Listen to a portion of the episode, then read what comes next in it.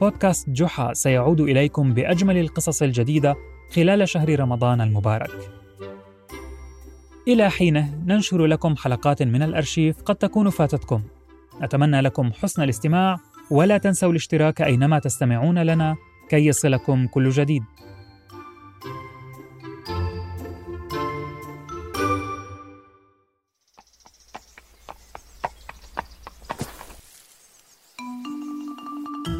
أنا سأحدثكم عن قصص جحا.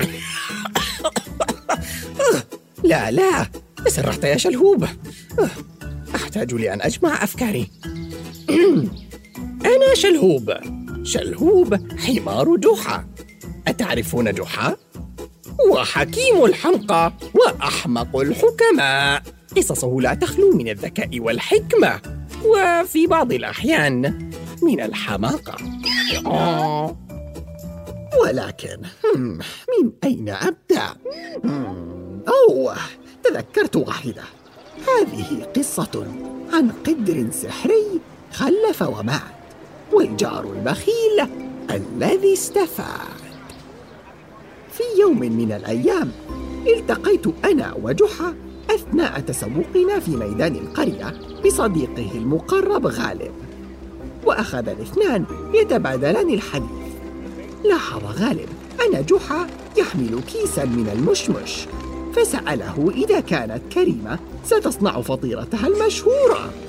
لم أتفاجأ من السؤال فقد كانت فطيرتها مشهورة لدرجة أن أمير البلاد دائما يطلبها منها وخصوصا لعيد ميلاده. عرف جحا أن المقصد من سؤال غالب هو رغبته بالأكل من فطيرة المشمش.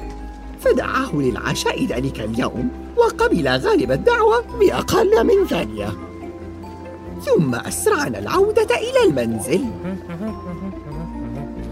وصلنا إلى المنزل وجحا ينادي. كريمة أين أنت يا عزيزتي؟ وجدها جحا في المطبخ وكانت كريمة تركز على إعداد مربى الفاكهة. ها أنا يا جحا كيف كان التسوق؟ التقيت بصديقي غالب غالب؟ كيف حاله؟ يبدو أنه يشتهي أكل فطيرتك المشهورة فدعوته للعشاء الليلة الليلة؟ أصلا هل جلبت بضائع كافية لثلاثة أشخاص؟ نعم أعتقد أنني جلبت ما يكفي أه شلهوب وناداني ليعرض لكريم الأغراض التي اشتراها من السوق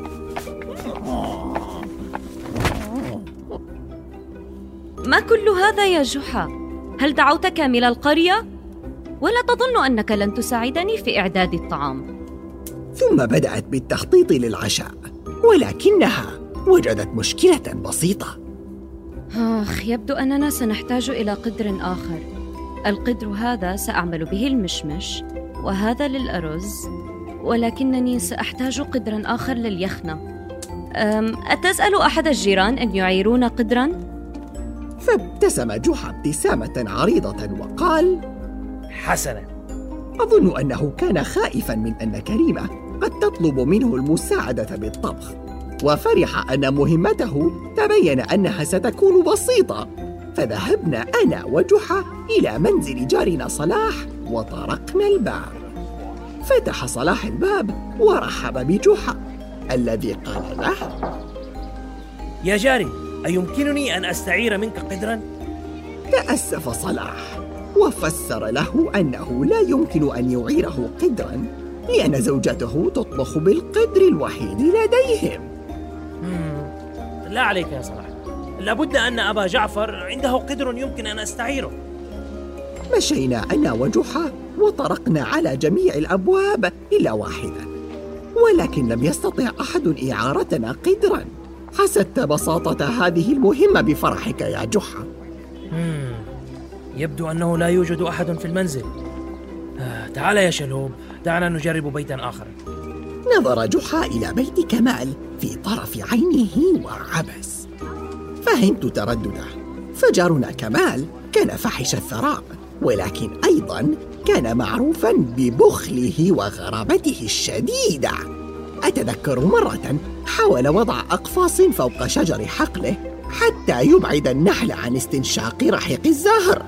أوه ومرة أخرى رأيته يصيح بدجاجاته لأنها لم تضع عددا أرضاه من البيض. أنا متأكد أن كمالا سيريد شيئا بالمقابل إذا استعرت منه القدر. ولكن يبدو أنه ليس لدينا خيار آخر. هيا بنا يا شلهوب ذهبنا إلى منزل كمال وطرق جحا الباب بتردد. شق كمال الباب ونظر إلى جحا بعين واحدة. ابتسم جحا ابتسامة كبيرة مصطنعة. مرحبا كمال جاري. لدينا عشاء اليوم ونحتاج إلى قدر هل تكرمت وأعرتني قدرا من عندك؟ لا أدري يا جحا القدر هذا عندي منذ سنوات صك جحا أسنانه وقال محاولا أن يكون لطيفا لا تقلق يا جاري سأعيده إليك كما أعطيتني إياه فأنا بحاجة إليه الليلة فقط مم؟ قلت لي عشاء؟ مم. هل ستعد كريمة فطيرة المشمش المشهورة؟ ها هي جحا كان محقا فقاوم جحا التنهد وقال طبعا. أدهم ابني سيزورك ويحضر لك حصتك من فطيرة المشمش. ما ما رأيك؟ أغلق كمال الباب دون أن يقول شيئا. وقف جحا محتارا. هل ينتظر أم يعود لمنزله؟ ولكن قبل أن يهم بالعودة فتح كمال الباب ومعه قدر. ولكن من غير غطاء. أه جحا جحا خذ خذ. اعتني بالقدر جيدا. لقد انتهيت للتو من جليه. أخذ جحا القدر باستغراب ثم سأل كمال شكرا لكن أين غطاؤه؟ آه طلبت القدر والآن تريد الغطاء أيضا؟ لا لا لا بأس. شكرا يا كمال. بيني وبينكم خفت أن يطلب من جحا أن أبقى رهينة حتى يعيد القدر له. وحين بدأنا بالعودة للمنزل وإذا بكمال يصيح قائلا. جحا نسيت أن أخبرك أنني غدا سأسافر لمدة يومين. بس بالسلامة. سأرجعها لك قبل أن تذهب إذا. فأكملنا مشينا بسرعة. فلم يرد جحا أن يغير كمال رأيه ويستعيد القدر. يبدو أنه بالفعل رجل غريب. أليس كذلك يا شلهوب؟ أكملنا طريقنا إلى المنزل. وجحا محتار من تصرف كمال. ولكن في اللحظة التي دخل فيها تبدلت حيرته إلى حماس. فرائحة الطعام اللذيذ ملأت المنزل. أعطى جحا القدر لكريمة.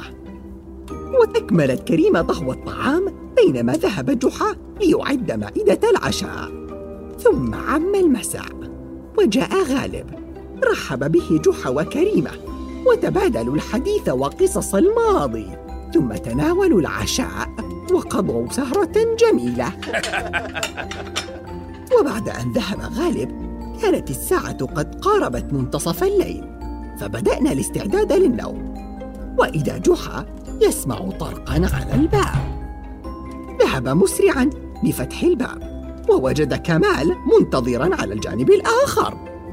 كمال هل أنت بخير؟ نعم نعم أنا بخير. جئت لأستعيد القدر لقد قلت لك إنني مسافر غدا ليومين. فلا داعي لأن يبقى القدر عندك طوال تلك الفترة. أه، بالإضافة إلى ذلك أردت حصتي من فطيرة المشوش. فكما تعلم أه، بعد يومين لن تكون طازجة مثل اليوم. أه؟ نظر جحا إلى كمال وقد سئب من تصرفاته فقرر أن يلعب عليه مقلبا ليلقنه درسا. ذهب جحا ليحضر القدر من المطبخ. ولكنه وضع بداخله قدرا صغيرا آخر دون غطاء وأخذت أفكر لماذا قام جحا بهذا؟ وأخذ معه أيضا حصة كمال من الفطيرة وذهب ليعطيه إياها انتبه كمال للقدر الثاني وهو يأخذ الأغراض ها؟ فسأل جحا مستغربا ما هذا يا جحا؟ نظر جحا إلى القدر الصغير مبتسما وقال بصدمة مزيفة. مبارك يا جاري. يبدو أن قدرك قد أنجب قدرا آخر. أخذ كمال يرمش بدهشة وهو ينظر إلى القدر ثم إلى جحا للحظة ثم ابتسم ابتسامة خبيثة وقال يا لها من معجزة. القدر أنجب قدرا آخر. أنا مبارك بالفعل. ثم تبدلت ابتسامته بعبسة وأضاف ولكن لم تنجب غطاء؟ الله أعلم فالمعجزات لا يمكن تفسيرها. حدق كمال بجحا وهو يعبس للحظة ولكن عاد للابتسام وأخذ القدرين والفطيرة وعاد إلى المنزل سعيدا. فهز جحا رأسه وقال لي يبدو أنه خبيث أيضا. تظاهر بأنه صدقني بالفعل لأنه علم أن له في ذلك مكسبا. ولكن لدي خطة يا حماري. بعد عدة أيام حان الوقت لتنفيذ الجزء الثاني من خطة جحا. فذهب إلى كمال ليستعيد القدر منه مرة أخرى. عندما وصلنا إلى المنزل كمال رأيناه في الحديقة مع الدجاجات يعد البيض. فلما انتبه لجحا يتجه إليه تحمس وترك الدجاجات وجاء ليستقبل جحا. جحا صانع المعجزات أهلا وسهلا بك يا عزيزي أتريد استعارة القدر مرة أخرى؟ يا لها من صدفة اعذرني يا جاري ولكنني أحتاج بالفعل لاستعارتها مجددا ومن دون تردد ذهب كمال ليحضر القدر أه تفضل يا جحا ها هو القدر ما هذا يا كمال القدر مع الغطاء هذه المرة نعم نعم. أه، فقط تحسبا إذا أنجب قدرا آخر. هكذا. القدر الثاني سيأتي مع غطاء. ليس كالمرة السابقة. فابتسم جحا وأخذ القدر وشكر كمال ثم اتجهنا للعودة للمنزل. وكما توقع جحا في منتصف ليلة ذاك اليوم جاء كمال يطرق الباب ليستعيد قدره. فتح جحا الباب بكل هدوء. وكمال يقول بتلهف لقد جئت لأستعيد قدري. وهنا جاءت المرحلة الثالثة من خطة جحا. فبدت ملامح الحزن المزيفة على وجهه. وقال لكمال بكل أسى كم أنا في غاية الأسف؟ كمال جاري العزيز لقد توفي قدره ها؟ ماذا تقول؟ القدر توفي؟ نعم توفي انصدم كمال من جواب جحا ونظر إليه ساكتا ومنصدما حتى انفجر بالصياح ما الذي تقوله يا جحا؟ هل جننت؟ كيف يموت القدر؟ القدر ليس حيا كي يموت فأجابه جحا بكامل الهدوء جاري العزيز أتذكر المرة السابقة عندما فرحت بولادة القدر الصغير من قدرك الكبير؟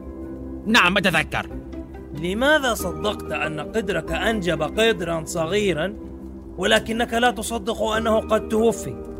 كاد كمال ينفجر من الغضب فقال لجحا أنت مخادع وأنا ظننتك بخيلا فقط يا كمال ولكنك طماع أيضا ظننت للحظة أنني سأضطر أن أكون حكما في مباراة ملاكمة. لكن كمال لم يفعل إلا أنه التف وعاد إلى منزله وهو يتمتم مع نفسه من شدة الغضب. وبعد مرور بضعة أيام كنت أنا وجحا في طريقنا إلى البحيرة لصيد السمك.